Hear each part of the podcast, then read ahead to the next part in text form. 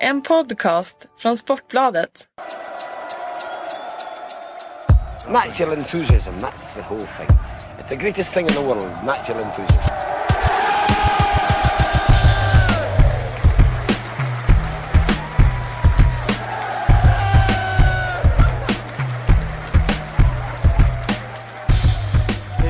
Hälsar vi då till ett för dagen eh, lite nerskalat, minimalistiskt avsnitt utav eh, Sportbladets Premier League-podd. Det är du och jag här Patrik. Jag pratar om min kompetens nu eller vad är det du pratar om? Ja, det är precis det jag pratar jag om. Nej men eh, det blev du och jag Tack, ja. tack. Jag tänkte faktiskt att eh, Kalle Karlsson som normalt sett är här. Ja, det är ingen minimalistisk kompetens när det kommer till engelsk fotboll i alla fall. Nej det är det inte. Eh, han, han, ska, han ska få bidra.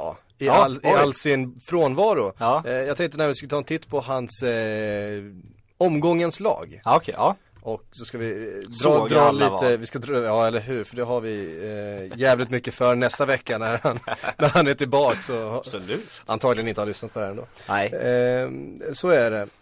Men vi måste ju börja med det som har hänt i eh, Cardiff versus eh, Crystal Palace och Vincent Tans, eh, ska vi Vår säga det? favorit, äntligen är han tillbaks i Ondskefulla hämnd Ja, på sin eh, fiende, den före detta tränaren i Cardiff, Malcolm Mackay. ja. Ehm, det ska vi, eh, ska, Vincent ska, Han är väl en bondskurk, det var vad vi kallade honom för förut. Så att det här är ju perfekt.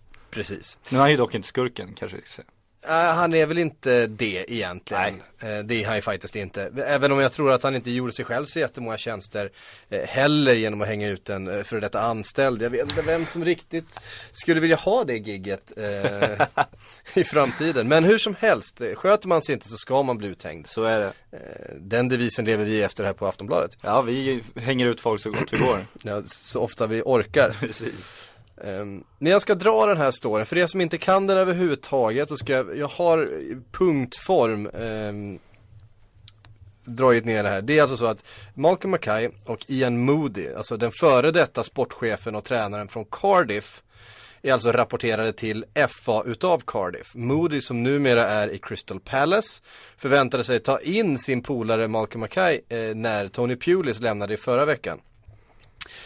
Men för att förhindra eh, framgångar för sina gamla rivaler, för det ska ju sägas att eh, Vincent Tan, eh, Moody och, Mal- och Malcolm Mackay skildes ju inte direkt som vänner. Nej. Eh, Mackay eh, stämde ju Vincent Tan på 7,5 miljon pund. Eh, eller han ville i alla fall ha ut det i ersättning då eftersom han ansåg att hans kontrakt felaktigt blivit uppsagt. Tusentals e-mail och sms hittades i vad som var en husrannsakan hemma hos Moody. Och den husrannsakan var given till en law firm, jag, jag fattar inte riktigt Nej, det jag här. förstår inte vad de håller på med Det är någon jävla advokatbyrå Som kan kliva in som kan kliva in lite. hemma hos Ian Ja. Moody. Ehm, och då plocka ut den här informationen från hans dator, från hans telefon. Ehm, och den var given därför att det fanns eh, misstankar om oegentligheter kring eh, spelaraffärer under deras tid i Cardiff. Så att Cardiff misstänkte att deras före detta sportchef och tränare eh, inte hade skött sig när det kom till transfers. När de två hade lämnat och det fanns en konflikt då bestämde man sig för att utreda vad sina före detta anställda hade gjort. Man fick till den här husrannsakan, hur fan nu det gick till. Och fick ut de här minst sagt komprometterande uppgifterna. Mackay och Moody blev informerade om att Cardiff hade den här informationen. Det var samma dag som båda två gick ut och bad om ursäkt för allt till Vincent Tan och man kom, man kom fram till att man hade nått en förlikning och, och alla parter var nöjda.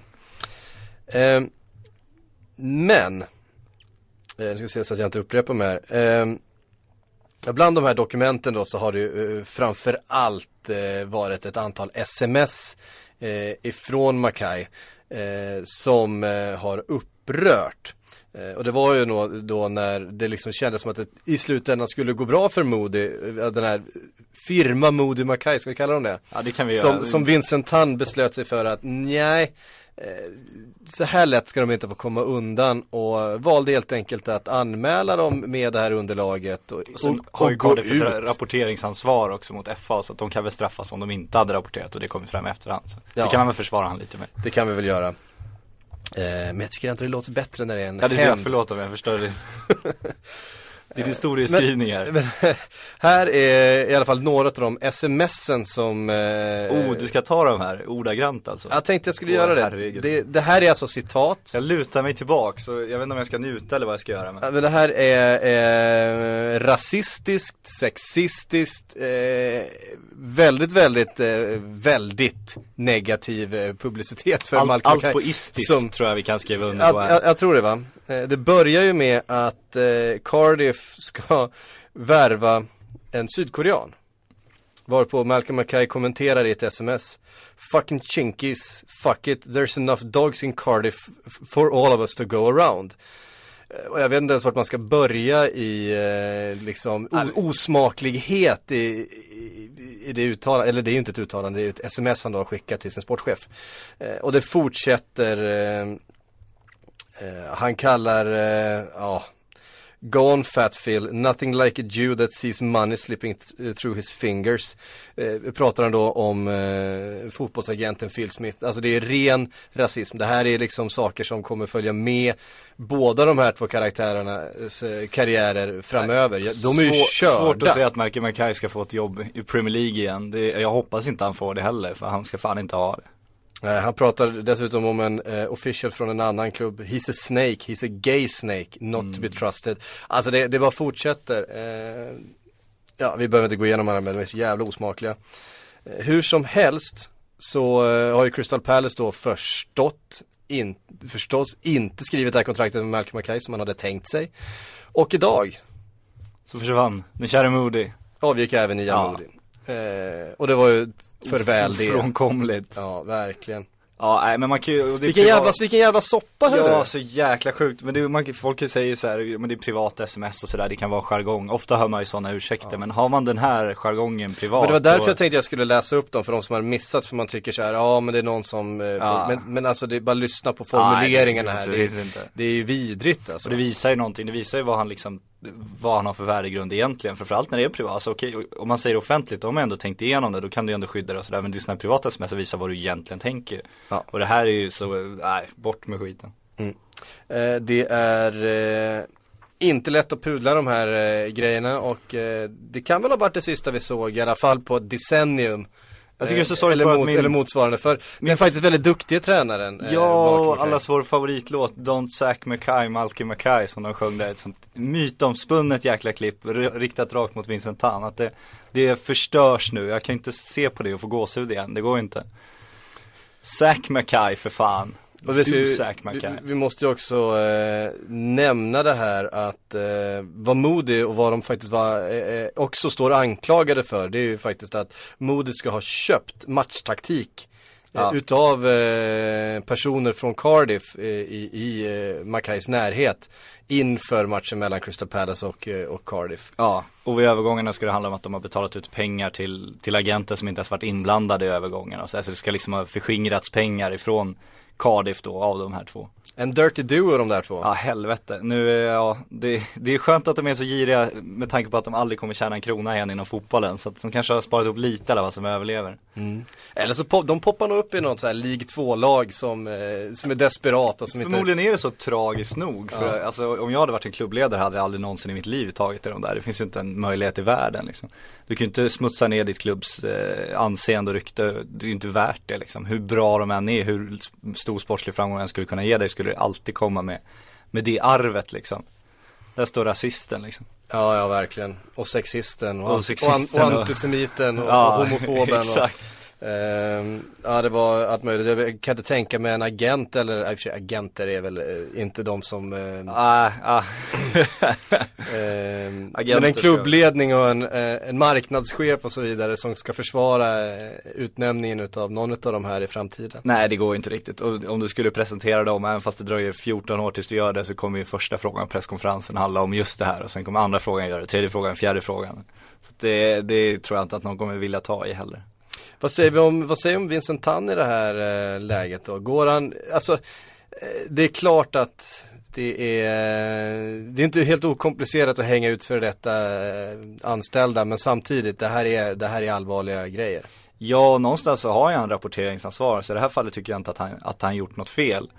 Eh, det man kan diskutera är hur det nådde pressen liksom. Det är väl någonstans där vem som läckte det dit och gjorde så att det blev offentligt. Det här hade ju kunnat förmodligen skötas på ett lite snyggare sätt så kan man ju säga. Men det är väl någon som har intresse av att smutskasta McKay också. På helt riktiga grunder nu kan man ju tycka. Men det är väl där man kan ana att någon kanske har gjort någonting som var lite sådär onödigt. Men annars tycker jag för en gångs skull att Vincent Tan eh, är the good guy. Mm. Uh, han kanske är det oftare än vad vi ger honom credit för. Han, det är mest hans utseende som gör det att han... Det är ju det, och hans fruktansvärda klädstil alltså, den är ju så. Men sen också och det, att han går in och byter färg Och, och styggelsen att han byter, byter färg på tröjor och, och klubb med emblem och sådana saker. Men det är klart, jag kan ju förstå om de har liksom utnyttjat honom lite och kanske För det är ju inte, han kom in helt, helt grön i den här branschen liksom och så ska det göras miljonaffärer med spelare och de betalade ju överpris för spelare, det är inget snack om den saken. Det har ju Tan också insett och han har ju försökt dra tillbaks pengar som betalats och anklagat Moody och Mackay för att ha gjort det. Och sen när, om det då försvunnit pengar till agenter som de kanske har haft lite bra kontakt med också. Man kan ju, det blir en viss shopping spree när han kom in med liksom hur mycket resurser som helst och det är klart att de kan ha utnyttjat det. Han tog upp dem i eh, Premier League faktiskt. Utan Vincent hade Cardiff aldrig eh, tagit sig dit. Så är det, men utan Vincent hade Cardiff varit en jävligt charmig förening i Championship och det är nog mer värt än att vara en ocharmig förening som gör ett Premier League-äventyr. Det beror på vem man frågar. Det, så är det. Men om du frågar mig, det är ju bara jag här idag Ja, så nu kan jag fan säga det. Eh, ja men vad bra, ska vi, ska vi lämna den här soppan då? För att jag tror att den kommer eh, dö ut nu. Jag tror att de här två herrarna försvinner eh, i, ner någonstans bakom fotbollens kulisser. Eh, kommer väl dyka upp om ett år eller två i någon League 2-klubb Förmodligen är kanske. Antagligen inte tillsammans, utan kommer säkert hålla sig ganska långt ifrån varandra offensiv, eller öppet i alla fall eh, Ja. utåt. Det kommer vara Richard Money, helt plötsligt dyker de upp på tv bara i någon sån här eh, ligacupen-match som man, i någon lag man aldrig hört talas om som har bara en mur bakom kortsidan och stor parkering utanför. Precis, det är den ena stora snackisen för dagen. Den andra är ju förstås eh, Mario Balotelli. Nu brukar vi ju så eh, normalt sett inte kommentera så mycket Silly i Premier League-podden men eftersom vi har Silly-generalen här eh, Eftersom och, det här och hänt. och det faktiskt är Mario Balotelli som då ser ut att vara väldigt nära en övergång till Liverpool för 16 miljoner pund. Ja, det är, eh, ja, det är så kittlande så jag vet inte, jag vet inte vad man ska säga. Bara lås kvinnofängelserna, fan eh, pensionera träningsvästarna. Eh, Akta er i Liverpool, fy fan. Nej, det är jag så lycklig så det finns inte. Ja det är liksom, eh, ja det kan ju gå precis hur som helst. Ja. Han är ju en kaospilot verkligen. Ja men verkligen, om man får så frågor på Twitter liksom, men Balotelli, hur passar han in i Liverpool, kommer det gå så här? Det finns ju ingen människa i världen som kan svara på det, det är helt omöjligt. Inte ens Mario Balotelli själv har en aning om det liksom. Ja, det är en dunderchansning Och vad är det med Brendan Rodgers och galningar? Ja. Han verkar älska det på något sätt. Ja men fan, ska man ersätta Suarez så är det väl, det är Balotelli man får ringa först, så är det väl.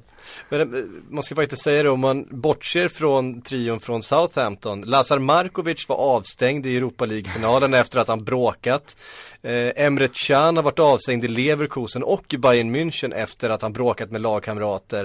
Eh, det är mycket attityd på de här killarna. Eh, Mario Ba- Balotelli vet vi också har, har eh, dragit en och Jaha. annan rubrik och, och, och bråkat med en och annan både lagkamrat och motståndare. Jag Och, smält inte bara på toaletten där utan lite överallt. eh, exakt.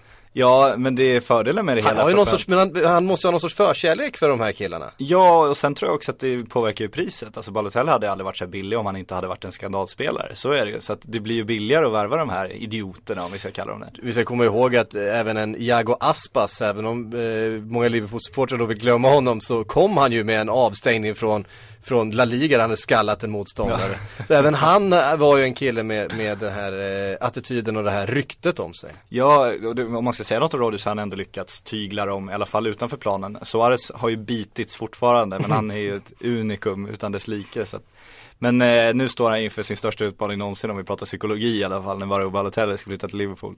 Mario Balotelli som inte ens trivs i England säger han, så att det här ska bli fantastiskt intressant. Han trivdes inte i Manchester, vi ser hur fall Liverpool gör det för honom. Ja, Ehm, Sen ska man väl också kasta ut den lilla varningsflaggan att Milan har ju, har ju själva gått ut och bekräftat att de förhandlar. Och Milan har ju tidigare när de själva så lanserar att de har affärer på gång, ibland så dras de ju tillbaks och sen presenterar de spelaren då like, almost like a new signing.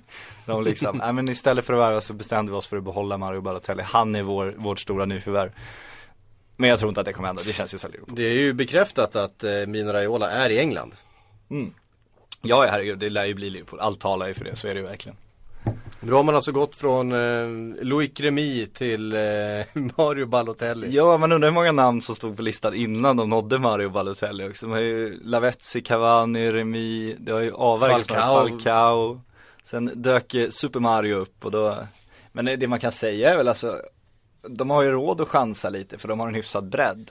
Och de behöver ju få in en riktig stjärna, det har vi efterlyst hela, hela sommaren. Och får man igång Balotelli så kan han ju vara briljant, så är det. Och till den penningen så är det ju inte en särskilt dyr chansning. Det jobbiga med Balotelli, om han misslyckas så blir det inte bara så att du har en, en ganska dyr spelare på bänken utan du har en ganska dyr missnöjd spelare på bänken som har en tendens att göra saker även utanför arenan som gör att klubben kanske inte får så gott anseende. Så det är en större chansning än om du chansar med någon annan. Ja, alltså, men han måste vara den största chansningen i hela fotbollsvärlden oavsett vad man ska ha honom till liksom. Spela in en reklamfilm med honom känns också som det, man tar eh, tidernas chansning. Så är det en julklapp med honom tar i tidernas chansning.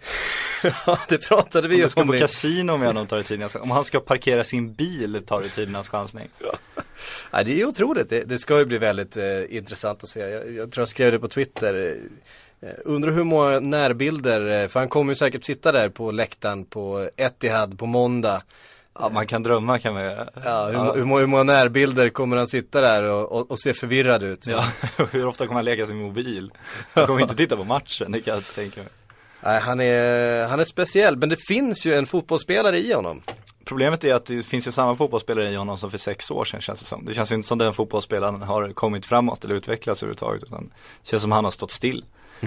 Men eh, absolut, ja alltså potentialen är enorm. Får du igång honom, gör honom jävligt träningsvillig och får honom att löpa betydligt mer på planen. Då, då finns det ju liksom alla kvaliteter. Väldigt fin statistik från, eh, från Milan faktiskt när det kommer till antal mål per match. Han har alltså gjort mål var 130 andra minut. Mm, det vilket, är väldigt bra. vilket är bättre än både Sturridge och Suarez har i Liverpool.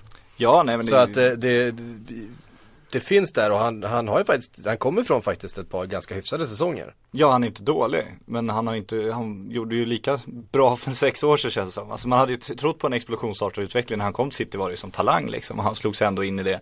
Och då trodde man ju att nu kommer det ju bara gå framåt liksom. Och sen blir det lite struligt, går till Milan, nu kommer få förtroendet, nu kommer han verkligen växa. Så har man ju sagt i alla år. Sen gjorde han ett bra mästerskap med Italien men efter det så liksom, nej, det händer ingenting längre. Så att eh, han behöver ju kanske ett miljöombyte till och det ska bli sinnessjukt intressant att se honom, inte bara på planen.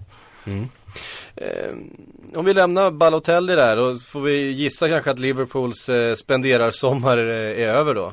Den bör vara det. Den borde väl vara det. Ja. det han blir nionde spelaren in. Ja, det har inte varit billigt heller så att det är väl dags att börja dra i handbromsen nu. Och de behöver ju inte värva så mycket mer heller. Men det ska ju sägas att eh, Borini då är på väg eh, till Sunderland ryktas om för också ungefär 16 miljoner pund. Ja, alltså, Vilket är ju intressant där om man ställer liksom eh, engelsk ekonomi jämfört med resten av världens ekonomi. engelska klubbar som värvar av engelska klubbar är ju det dyraste. Alltså Shane Long, herregud. Vad är det 12 som händer? miljoner. Vad är det som händer? Ross McCormack, 11 miljoner. Ja, nej det är så jävla sjukt. Men man undrar, alltså, Ross McContract som han kallas ja, contract.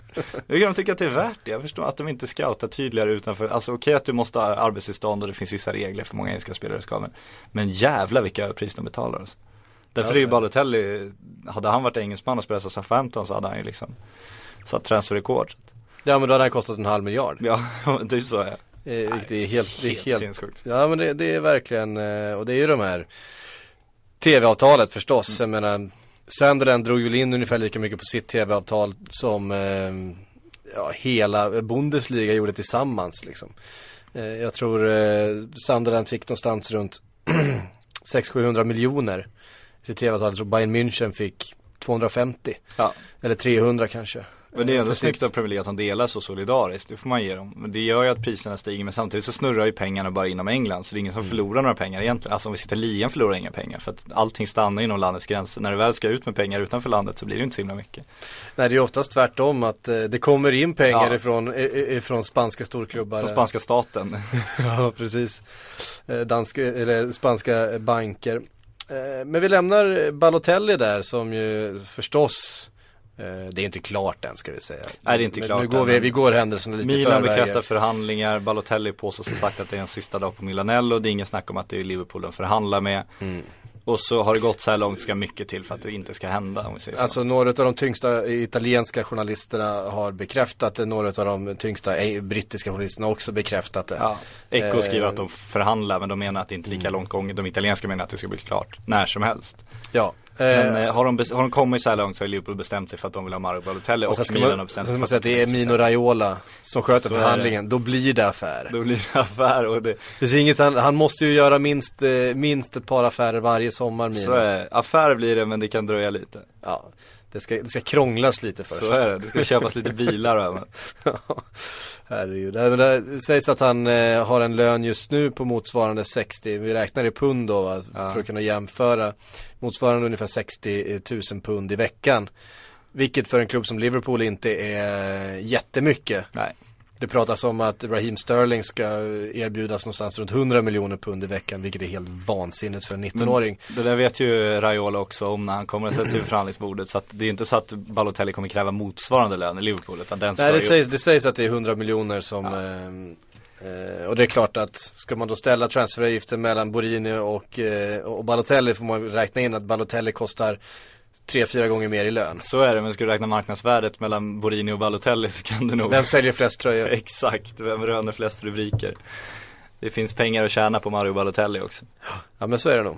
Eh, Ska vi låta Kalle som inte eh, kunde vara här idag i fysisk form ändå finnas med eh, på ett annat sätt? Vi, vi kan väl titta lite Hans på hans ande vakar över Hans oss. ande vakar över den här podden som vanligt. Ja, han har ju tagit ut ett omgångslag. Han till skillnad från oss har ju sett alla matcher förstås. Ja det är klart, och säkert flera gånger också. Ja, och, och, och detaljstuderat vissa sekvenser och alla Ja. fasta situationer. Eh, och sen stoppar han in det rakt in i, i, i Karlberg där han då, eh, division 2-klubben han tränar. Så nu ska vi göra exakt som Aston Villa gjorde på sin tredje hörna i söndags. Och så står han och skriker på grov brittiska där vid sidlinjen och ingen fattar vad fan han håller på med. Ja, precis. Är inte du från Västerås? Ja, exakt. Come on scouts! Fuck's sake! Ja, vi älskar dig Kalle. Eh, vi tar en titt på omgångens lag från Premier League-bloggen. Eh, I mål, Alan McGregor. Jag såg inte Hall, så det kan jag inte kommentera. Men det är ju en, eh, en duktig målvakt. Ja, jag har inga kommentarer heller. Jag kan säga så här, jag satt och såg alla topplag på lördagen. Och så såg jag måndagsmatchen också. Söndagen hade jag tyvärr annat att göra. Ja, jag har tittat på, på eh, söndags, eh, den ena söndagsmatchen eftersom Liverpool spelar. Jag missar ju sällan en No Liverpool-match. Eh, så är det ju. Om ni har missat det så det att jag är, jag är öppen med att jag, jag är Liverpool-supporter. Eh, men det gör inte att jag inte... underdrifter där tror jag. Men det gör inte att jag inte kan älska allt som har med engelsk fotboll att göra. Eh, på backlinjen har vi eh, från eh, ena hållet till det andra. nu måste se vilket håll jag ska läsa här. Eh, vi kan börja med Ivanovic. Branislav. Branislav. Chelsea.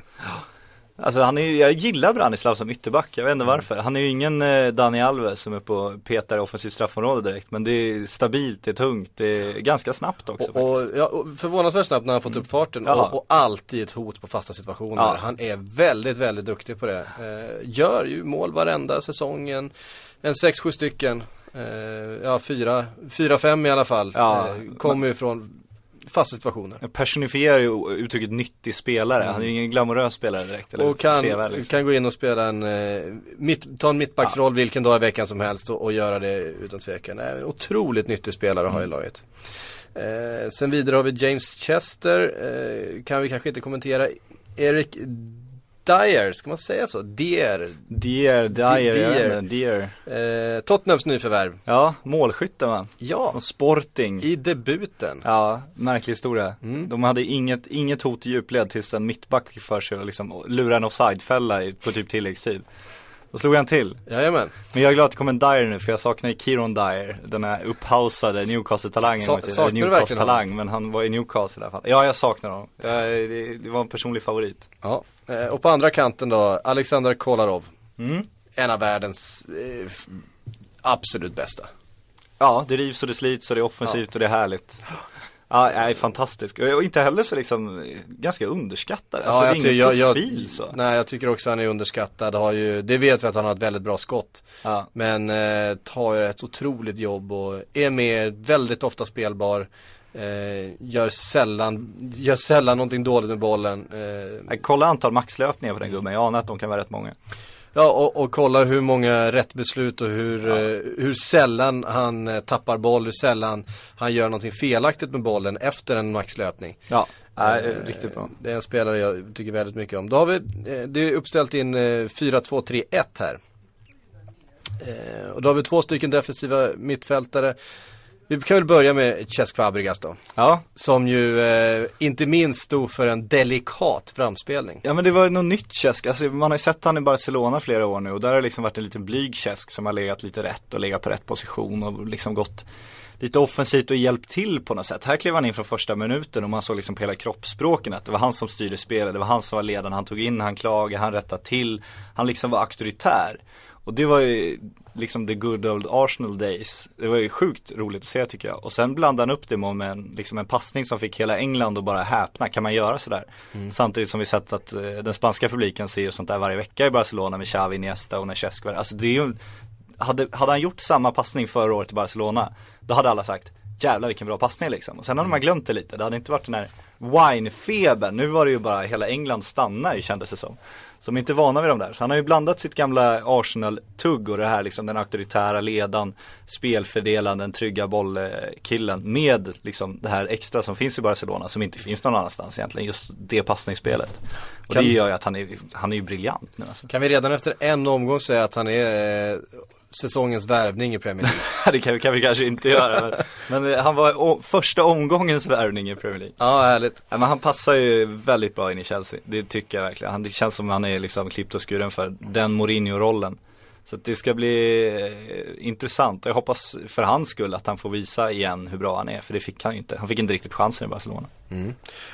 Bredvid honom så ehm, hittar vi en kille som jag vet är en favorit till, till Kalle som eh, jag också ratear otroligt högt. Det är Fabian Delf från eh, Aston Villa. Eh, en spelare man väntar på ska få det där det riktiga genombrottet. Det är otroligt bolltrygg. En, eh, för, att, för att spela på den positionen, för att spela så pass djupt ner i banan, en eh, extremt dribblingssäker och, och, och på samma sätt eh, som eh, vi berömde Kolarov innan att han gör så få misstag så, så Titta på Fabian Delf under en match hur han tar emot bollen, ofta gör en gubbe, lägger vidare. Eh, väldigt ofta är spelbar, alltid i rörelse. Eh, flyter fram lite på banan, eh, kan poppa upp lite var som helst. Jag tycker det är en, en otroligt fascinerande spelartyp. Ja, och tyvärr handlar ju det här defensiva mittfältet eller sittande mittfältet mer och mer bara om att inte göra misstag. Så är det ju. Det blir mindre att slå sin motståndare, mindre att göra avgörande. Utan mycket, mycket, mycket handlar ju om att du får aldrig tappa bollen där för då, då är det mål. Ja, så är det. Eh, och det är en kille, så kollar ni på Aston Villa och inte har lagt märke till eh, Fabian Delfin, han gör verkligen det för att det är en eh, spelare och, och vilket jag tyckte var helt eh, fascinerande också. Det fanns eh, journalister inför VM som hävdade att Fabian Delf skulle med i ett eh, engelskt VM, eh, VM-trupp till Brasilien. Eh, och det blev ramaskri när de skrev det här. Bara, Hur ska de kunna skicka honom? Så här, Men det, det är ju kanske, gissar jag, folk som inte ser honom så ofta. Nu fanns det eh, bättre alternativ där. Jag tyckte att, eh, jag tycker att Wilshire, jag tycker att Jordan Henderson och det finns ju bättre spelare. Eh, Steven Gerrard och så vidare. Eh, som defensiva mittfältare så, som går före. Men eh, nej, Fabian Delph är en, en favorit. Vi tittar framför då. Saido Berahino, supertalangen, West Bromwich. Jag såg honom inte spela nu, men det är också en spelare som man liksom hoppas ska, ska ta det där, eh, få det där riktiga genombrottet i år. Kalle gillar ju de här lite, lite små doldisar. Jag ska inte kalla han doldis men det Eh, Var ju otroligt bra i eh, Englands U21 eh, under förra säsongen. Gjorde mest mål av alla tror jag. Med, fanns ganska gott om, om eh, talang där och, och Berahino stack verkligen ut. Dock har jag alltid eh, brasklapp på Englands U21 för att om du kollar vilka som gjort U21-landskamper för England så finns det ett helt koppel spelare som är mer eller mindre urusla i min bok så att Ehm, men Berahino målskytt i premiären. mm. Eh, tvåmålsskytt till och med var han eh, i, i premiären. Så, så det blir spännande att se vad han gör av sin säsong. Eh, West Bromwich, det kan bli tufft. Ja, jag är svårt att se, jag tycker fortfarande att det är ett lite stökigt försvar där. Mm. Jag gillar Jonas Olssons liksom närvaro men jag tycker att hela Men där, där, där har du just det där, man får aldrig göra något misstag och Jonas har en tendens att eh, vara väldigt eh, auktoritär, vara en, var en stor närvaro i försvaret men också bjuda på, på en eller två eh, varje match. Ja, hela backlinjen, jag tycker framförallt samarbetet mittfältet är lite, det, det hackar lite, det gör det. Jag tycker Jonas är en av de bättre där. Han är betydligt bättre där än han, det han visade i Ska- landslaget tyvärr. Ska bli intressant att se vad Julian Lescott kan, eh, kan tillföra. Verkligen. Eh, bredvid Saido Berahino och Gylfe Sigurdsson som är hemma i Swansea igen. Klubben han eh, inte ens har tillhört va? Han var väl bara utlånad dit. Så kan det vara. Men Men eh, från, eh, från eh, tyska Hoffenheim. ja, det nu- fin, nu- finns ju något i gubben ändå, det får man ju säga. Ja men så är det ju. Målskytt och eh, ja, kommer vara otroligt nyttig för Swansea. Swansea som eh, spelade väldigt bra. Ja, jag såg inte den matchen heller. Gjorde det bra mot känns vi eh, upprepar oss, vi Man- Manchester lite, men... United. Och högst upp Edin Dzeko. Manchester City. Ja, och det, han ska man ju fan hylla. Jag tycker att det, det, han imponerar mer och mer. Det känns som folk i början tyckte bara, men de värvar in liksom en, en lyktstolpe att ha där uppe som ska ta emot lite bollar. Men den gubben har fötter, alltså den mottagningen och klacken nu senast. Och jag tycker att han är liksom en av de bättre anfallarna i Premier League till och med. Han är, håller riktigt hög klass. Det syns inte riktigt när, liksom, när man ser David Silva flyta fram och Aguero dra åtta gubbar. Och, för han har inte samma liksom tydliga kvaliteter som syns på det sättet. Men det, den nyttan han gör för Manchester City är ju liksom ovärderlig många gånger. Vi måste säga någonting om eh, Agüeros mål där också som jag tycker är fascinerande. Att det ser liksom inte ut som det ska bli någonting av. Man tycker att han ligger på fel sida. Man tycker att ja, men det där har ju backen koll på. Och sen, jag menar det är skott ur en dålig vinkel så blir det en retur och så är han där och så. Eh, Agüero kommer göra många mål i år tror jag. Men det är väl läxa nummer ett, alltså bra Låg anfallare. oddsare visserligen. Jo, men- absolut. Men bra anfallare kommer ju alltid till avslut. Det är Ja. nästan deras största egenskap. Och de träffar alltid mål. Och de fortsätter, och han fortsätter driva framåt. Han vet att han, det är liksom, Ja. det, det är den där procenten. Man måste jobba på alla bollar liksom. Och, och Så är det och då får man ju den här Pippo-magneten till slut att returen dyker upp framför fötterna på dig och du kan trycka in den. Så att, men bara att han liksom, han är en mot en. Många anfallare hade ju liksom, ja men stannar upp, väntar in laget, vänder om, vågar inte riktigt ta den. Han, bara rakt ner med kortlinjen, hittar avslutet ur ganska dålig vinkel, där blir det inte mål, det vet ju alla liksom. Men sen blir det en retur och sen där igen. Nej, många hade nog försökt vända upp där och göra en, en riktig dragning och verkligen försöka slå sin, Ja. eh, slå sin back. Nu går han på ren hastighet, trycker sig förbi eh, och kommer till avslutet. Nej, Men det är främsta fotbollsegenskapen man kan ha tycker jag, det är just att utnyttja sin hastighet. Kolla Leo Messi till exempel, han, han dribblar inte, det finns inga dribblingar i hans repertoar. Utan allt handlar om att du, du tar upp din speed och sen behåller du din speed. För kommer du mot en back som är felvänd i fart, du, du slutade göra överstegsfinter, gör inte en en, en Newcastle kan jag säga, börja dra sulor och grejer utan fan lägg och gå bara, svårare än så är det inte. Där hade vi laget. Eh, Kalle utnämnde Cesc Fabregas till omgångens spelare. Det skriver de flesta under på. Ja det tror jag nog. Eh, jag skulle vilja kasta in ett litet omnämnande som målvakt för Simon Mignolet och framförallt den sista räddningen han gör. Herregud. Du gillar Ser- Liverpool alltså? Ser han den? Nej men Ta någon därifrån. det måste man väl göra. Det har inte tagit upp någon annan. De vann också. Kör. Ja. Nej men jag tyckte Si- Simon Mignolet, just den räddningen är, är, är värd att nämna för den var bizarr. Ja, han är, han är ju bra alltså. Det ryktas ju återigen om att de ska dra målvakter. Folk håller på sådär, men vad fan, så jävla illa ställt är det inte. Nej, alltså jag är väl inte någon eh, älskare utav Simon Mignolet på det sättet. Jag hyllar honom ju inte som någon av ligans fem bästa målvakter till exempel. Det är jag absolut inte. Eh, Men, ska du lyfta in en men just Victor den där- Valdes där liksom? Det känns inte som det är där man ska lägga sin kosing. Jag vet inte. Eh, jag tycker Är du det- sugen på Valdes? Alltså? Nej men alltså jag är lite osugen på Mignolet. Ja, Eh, men det är just därför som jag tycker det, för just den sista räddningen där på eh, vems skott det nu var, nu minns jag inte ens eh, vem det var som sköt. Men det var ju en av de, de märkliga, och återigen så, så är han där men, men det kan ju se lika förvirrat ut. Eh, det kommer en, en luftboll från 50 meter som han liksom ska plocka ner som ett Kanske därför jag gillar äpple. Mignolet, jag vet inte. Jag gillar målvakter som blandar och ger. Jag är så trött på de här maskinerna som bara har lärt sig någon dator hur de ska stå och hur de ska täcka. Det ska, det ska flaxas. Det ska fan göra det. Jag måste också säga, eh, Courtois som valdes till förmån för eh, Peter Käck. Där tittar man ju lite avundsjukt då som, som supporter för ett annat lag som man kanske inte är helt nöjd med sin målvakt när de sitter med två utav vad jag skulle säga är världens ja, världens fem bästa målvakter. Ja, Efter- Mourinho ville ha två av världens tre bästa. Så att, Ja men det kan han mycket väl eh, ha rätt i. Jag tycker kanske att de Gea ska eh, klämmas in där. Jag tycker det är en fantastisk målvakt också. ja, han är riktigt bra. Han, var det tvivel på i början också. Ska man ju inte sticka under stolen. Det var ju en dansk som var inne och nästan petade honom. Eh, precis.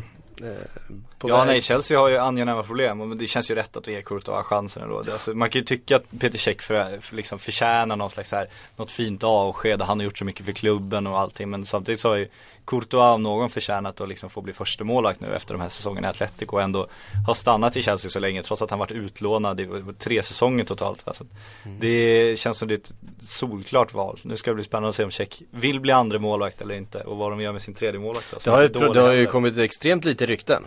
Det har inte sagt någonting. Jag vet, har Check kommenterat det? Check har inte sagt något det Mourinho sagt är att han skulle gärna vilja ha kvar Check men Check, han sa innan matchen att den som, den jag väljer bort, jag kan inte tänka mig att han vill vara kvar.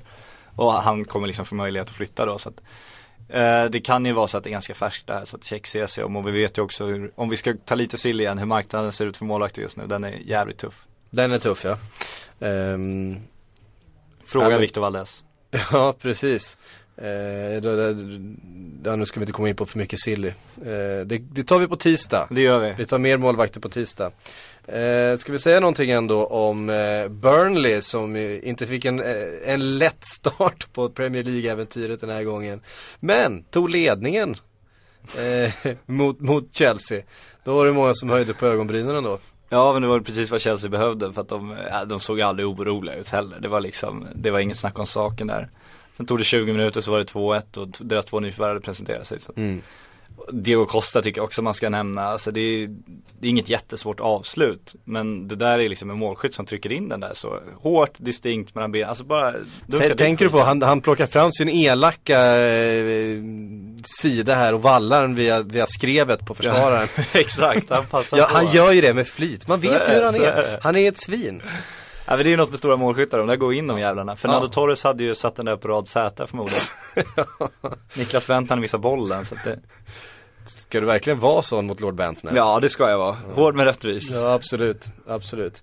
Eh, nej men fantastiskt. Vad, eh, vad tar vi med oss i övrigt då? Vi har eh, Manchester United. Ja, Vi herregud. måste, vi, vi, måste, vi måste ju kommentera den här eh, Ja, det, det fortsätter gå troll i det. Ja, troll, det fortsätter, det går ingenting i det skulle jag vilja påstå. Nej men det känns lite, jag gillar ju van uppställning och, men det känns ju naivt att komma in och sätta en fembackslinje när han Ja, har, om vi ska vara snälla, en duglig back i stort sett liksom. Alltså Blackett från start tillsammans med Ashley Young, ska de stänga en kant? Ashley Young var ju horribel defensivt på riktigt. Alltså han tappar sin spelare, han hinner inte med markeringen. Han var helt felvänd många situationer. Och då ska Blackett vara den som täcker upp där bakom liksom en, ja, helt ny färsk kille som liksom publiken fick bläddra ett friskt i matchprogrammet tror jag för att kolla vem han var i stort sett. Och det är ju inte stabilt och att han då, sen ändrar han ju till fyrbackslinje i andra halvlek och det ser, då tycker han själv att det ser sämre ut. Jag tycker defensivt ser det lite bättre ut men Någonstans måste de ju fylla på med spelare om de ska spela en fembackslinje. Det är ju uppenbart. Hur länge tror du han eh, envist klamrar sig fast vid den här eh, trebackslinjen och så länge de inte får in eh, ett stort namn där bak? Alltså van Schall är ju ett superego, så han bestämt sig så har han ju bestämt sig. Samtidigt så har vi sett många gånger, han är en av de tränarna som är, är mest villig att ändra liksom och ändå vara var liksom ödmjuk i den, i den bemärkelsen. Han ändrar ju redan till andra halvlek. Jag tror också att han kan ge upp det här äventyret ganska fort om han inte får in de spelare han vill ha för att liksom kunna spela det här systemet. Jag tror också att det här kan ha varit en vink till klubbledningen att här, här och här, titta nu är det dags att ni liksom plockar in lite spelare och så fick de in Rojo nu också. Det fyller ju en position där jag antar att han går in på Blackets vänster mittbacksposition och får Luke Shaw utanför sig så småningom. Och det blir ju en förbättring, det måste man ju säga. Men samtidigt så skulle man gärna se minst en mittback till, minst. Och någon ytterligare någon kantspringare för, för att kunna spela det systemet. Annars får han ju lira ett 4-4-2 och lita till att de spelarna som var så dåliga förra året gör det bättre i år. Och det finns väl ingenting som talar för att de ska göra det egentligen.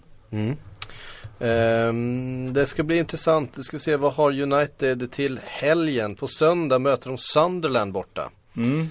Eh, det blir en spännande match. De har ju inget, de har inget sådär supertufft schema eh, United i början här. Det finns ju, eh, det hade ju varit skillnad om man hade fått möta, haft mycket toppmöten i början här med en ny tränare och nytt system. Eh, man hade ställts mot, mot några av de, de största David klubbarna här. Moyes-schema. Precis, som på något sätt tror jag påverkade resten av säsongen. Man hamnade, man hamnade de där poängen efter och man, de började liksom sås den här oron och misstron mot tränarens system. Ja, det är ju redan nu det är igång mot eh, årets United. Nu är det inte van Schall det är riktat mot utan det är ju snarare högre upp mot Woodward och andra. Bara efter en förlust och man vet ju att om de inte presterar så kommer det bli jävligt jobbigt. Då kommer han få svårt att sätta sitt system. Han kommer liksom vara under en enorm press och spelarna har vi också sett inte hanterat det på bästa sätt kanske. Så det gäller ju att de får resultat, men då är det ju bekvämare att möta Sunderland än att möta Chelsea eller City. Så. Vi kan ju se nästa sex matcherna för Manchester United är Sunderland borta, Burnley borta, QPR hemma, Leicester borta, West Ham hemma och sen Everton hemma. Ja, den är fin är den. Ja, det är ju inte sex matcher eh, där man ska tappa nästan några poäng egentligen. Utan där ska man, eh, utav de 18 poängen så ska man väl ta 15 i alla fall. Ja, ja om man ska vara med i topp 4 måste ju det. Men det är ju det är perfekt att han kommer in och så och får liksom jogga igång. Problemet är att han joggar inte ens i premiären. Så att det var någon slags handikappgång med någon slags rullator nu. Så. Men potentialen finns där. Det är fortfarande ett jätte, jättebra anfall. De har ett bra mittfält. Framförallt eh, centralt nu. När han, hela eh, omform, formuleringen av uppställningen gjorde ju att han slapp den här, det här hålet centralt som de haft efter en central offensiv kreatör. Nu fick de in Herrera har ju, var, var ju liksom kanske den viktigaste pusselbiten så här långt. Så är det, om de nu får in Mata liksom mer centralt också, då har de ju inte det hålet där längre. Och de har bra anfallare, så att det, det handlar mycket om att fylla på backlinjen nu och eh, sätta systemet, då kan det bli bra. Mm. Eh, även Arsenal spelade på lördagen. Eh, en seger som eh, satt rätt långt inne var det i 90 91 minuten någonting som eh, fjolårets succéman Aaron Ramsey eh, stänkte dit eh, 2-1. Så var det, och eh, Wenger har varit tydlig med det att de ska Ska inte ha formtoppen så tidigt i år utan de ska eh, se till att vara bättre senare så att det är ju lite försäsong. Det såg nästan så ut också. Och då brukar man ju den här gamla klyschan att vinner man sådana matcher det är ju då man blir ett topplag. När du tar tre poäng trots att du inte imponerar så mycket. Men de ställer över tre tyska landslagsmän, de har ändå en duktigt bra startelva tycker jag kvalitetsmässigt. Bredden i år tycker inte jag att vi har sett på Arsenal tidigare år. De har flera stjärnor också med Özil och Alexis Sanchez som kan göra skillnad. Att... Ja, hur eh, var Alexis Sanchez? Det är ju en spelare som det, förvänt- som det är stora förhoppningar på. Ja, jag tycker han blev lite väl mycket ytter, lite för lite anfallare i den matchen. Han hamnar väldigt långt från mål. Ofta på kanten, fick utmana en mot en eller en mot två. Och där tycker inte jag han är som bäst. Alltså han kan göra sin gubbe så absolut, men det kan många göra. Han gör inte störst nytta där. Jag vill gärna se honom närmare mål och jag tror om Özil kommer in och liksom kan hantera lite boll där och jobba lite med instick så tror jag att Sanchez också kommer hitta in i straffområdet.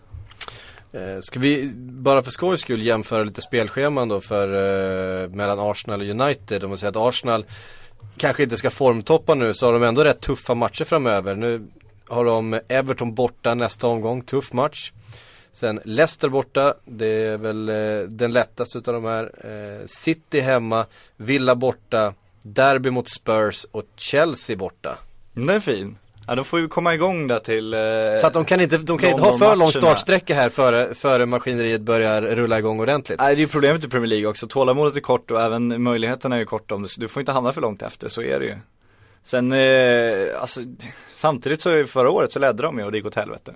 Det kanske är bättre att vara lite efter och sen eh, ta den toppen till våren, det är väl det de har tänkt sig. Så jag, eh, men eh, Arsenal ska ju gå in med det här med stora förhoppningar tycker jag och fansen borde vara väldigt nöjda med den truppen de har. Mm. Eh, Tottenham är ett lag som eh, det inte har pratat sådär jättemycket om i sommar. Har legat ganska lågt på transfermarknaden. Man har plockat in eh, Pochettino från eh, Southampton. Argentinaren som eh, hade sån succé då eh, förra säsongen. Gjorde väl egentligen alla sina värvningar förra sommaren med Ja. Gareth Bale-pengarna och det är de värvningarna som man nu ska få igång. En Erik Lamela pratas det ju väldigt mycket om. Christian Eriksen som ju såg väldigt bra ut i, i våras ska fortsätta vara den här dominanten på, på mittfältet. Hur, hur såg de ut? Hade de hittat något spel. Nej, det tycker jag, alltså de ser väldigt passiva ut tycker jag. Man trodde med Pochettino att det skulle bli lite, eh, alltså en högre press, kanske lite tidigare bollvinster som skulle kunna öppna lite försvar och ge Eriksen chansen i fart och kunna liksom kontra mer. Men jag tycker de blev väldigt, i början var de helt tillbakapressade. De fick ju, alltså Christian Eriksen var ju mer eller mindre mittback. De fick ju bara luftpastej, luftpastej, luftpastej mot sig. Hade liksom enorma problem att försvara eget straffområde. Och det tycker jag blottade en ganska stor svaghet till Tottenham. Att de har inget fysiskt lag alls, hade han ställt på benen. Utan de är extremt underlägsna, eh, både i luften och i närkamperna. Och då ska vi komma ihåg att West Ham inte ens spelade med Andy Carroll. Nej, till exempel. Som är en av de en, en av de största spelarna i hela, det, hela ligan. Det kan man säga. Äh, men, äh, men jag tycker Tottenham såg, det var en enorm svaghet som jag såg Tottenham och det kändes som de saknade alternativ då när de inte fick upp, de fick inte upp laget, de fick inte fast bollen, de fick liksom, kunde inte vinna eller liksom kriga sig in i matchen. Det är ju eh, en bra lösning många gånger att eh, blir du tillbaka pressad så sätter du två, tre hårda närkamper, du sätter upp bollen, du får fast den på forward, du liksom kan börja bygga därifrån. Hade inte alls det. Det gör mig lite orolig. Eriksen var ju riktigt bra igen, tycker jag. Han är ju eh, helt briljant egentligen. Lamela inte toppad men börjar ändå liksom hitta bollen eller vad man ska säga. Det känns som han börjar komma in i det. Jag tror ändå Han var deltagande den här Han var deltagande, han var absolut inte osynlig. Så att, alltså de har ju material men nu gäller det ju att de, om de får det där pressspelet på plats, att de kan vinna bollen lite tidigare, inte bli tillbaka pressade på samma sätt och kan kontra lite. Då, då har de ju spelare för det. Och eh, det är väl den där Jokern Adebayor som man inte vet vart man har riktigt. Nej det vet man ju, det vet man ju liksom aldrig. Uh... Nej jag vet inte riktigt vad de har för alternativ där heller känns det som. Så det känns som en svaghet också. Men nej, de har ju ett, ett, lag för att spela fotboll. Problemet är när de inte kommer upp i nivå så har de inga andra alternativ tycker jag. Och då, då är de för dåliga för att vara laget som ska spela ut ett annat lag. Mm. Vi, eh, vi rabblar igenom resultaten då. Eh, Swansea slog United, eh, Leicester-Everton 2-2. Det är ett uppseendeväckande. Everton kryssar mot en nykomling. Everton som man tror mycket på den här säsongen. Ja absolut. Starkt av Leicester. Det är flygande start. Ja verkligen. Men det är väl inspirationsmatcher där hemmapremiär också. Man kanske inte ska lägga jättestor vikt vid det.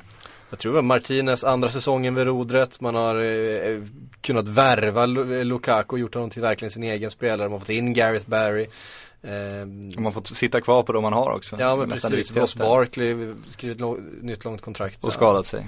Och skadat sig förvisso men eh, han kommer ju tillbaks. Ja om några månader. Jag vet inte hur bra han kommer vara. Jag är lite orolig för honom faktiskt. Eh, QPR Hull 1-0 till Hull. Stoke Aston Villa 0-1. Eh, Eh, West Bromwich Sunderland 2-2. Eh, Svenskmatchen. Svenskmatchen ja. Sebastian Larsson eh, satte en sen kvittering för ja, Sunderland. Ja, drömmål. Uh, nej, men slog in det från nära håll. Det är snyggt, men kul att Larsson får göra det. Han är Känns som han börjar bli den där killen de hade förväntat sig från början också. Han börjar bli lite av en ledare i laget. Ja, jag tror att han, han måste vara den, den killen på ja. planen för att han ska funka riktigt. Det känns så. Ja. Det känns som han gick och gömde sig lite, framförallt när han blev central mittfältare var lite sådär, nu ska jag bara just inte göra några misstag. Han måste liksom brösta upp sig lite och det tycker jag att han gjort. Mm.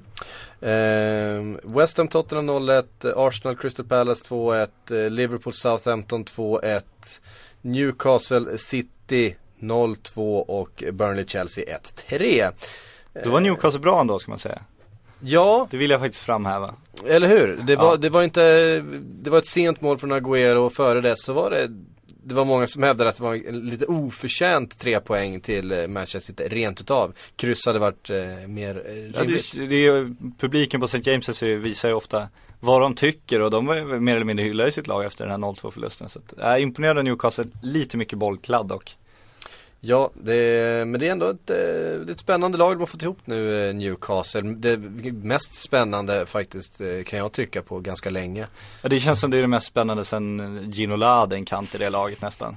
Det är riktigt kul, sevärt lag. Så har man inte sett Newcastle så kolla in det laget för det är, det är inte Chong Pandy Carroll längre utan det är, det är riktigt roliga fotbollsspelare. För även om de inte kommer befinna sig kanske bland topp 4-5 så kommer de påverka hur det ser ut där uppe därför att de kommer säkert ta en del poäng även av topplagen i år även om Manchester City klarar sig undan den här gången. Ja de har potential för i alla fall. Eh, nästa, nästa helg möter de Aston Villa på bortaplan.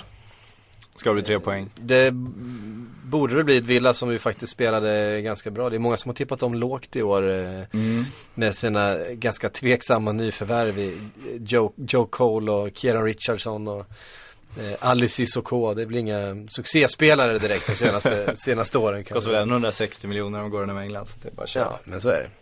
Chelsea, Leicester, Crystal Palace, West Ham, Southampton, West Bromwich, eh, Swansea, Burnley, Everton, Arsenal. Där har vi en spännande match. Mm. Eh, två lag som eh, antagligen kommer bjuda upp till lite eh, mer dans den här omgången än första.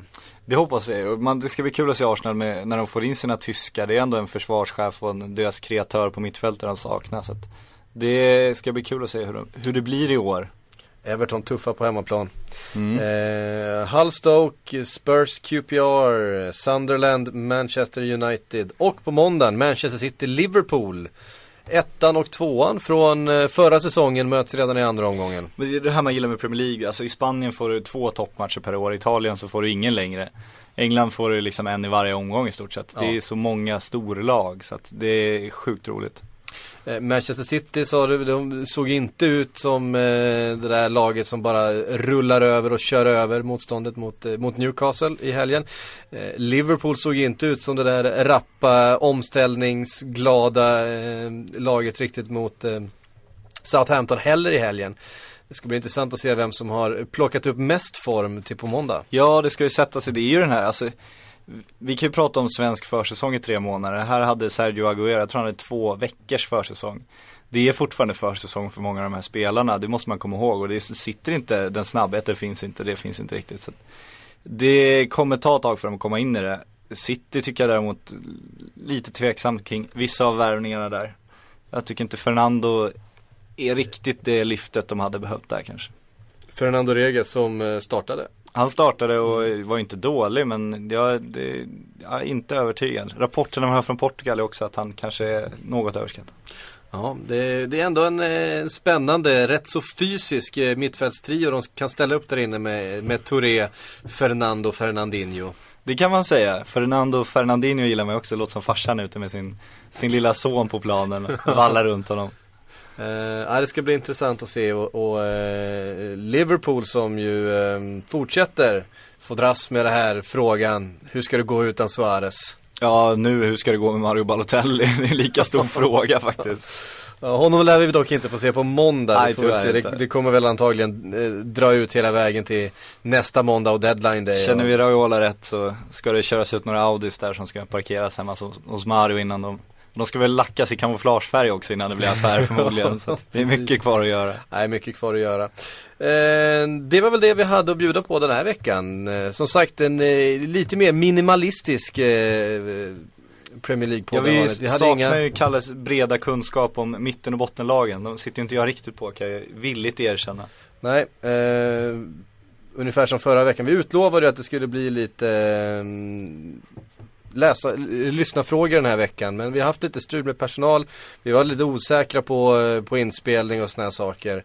Eh, hela vägen in fram. Så jag har faktiskt inte vågat slänga ut några löften. Eh, nu hamnade vi här eh, idag i alla fall. Jag ser att det är många som har twittrat till oss och frågar om det blir podd idag.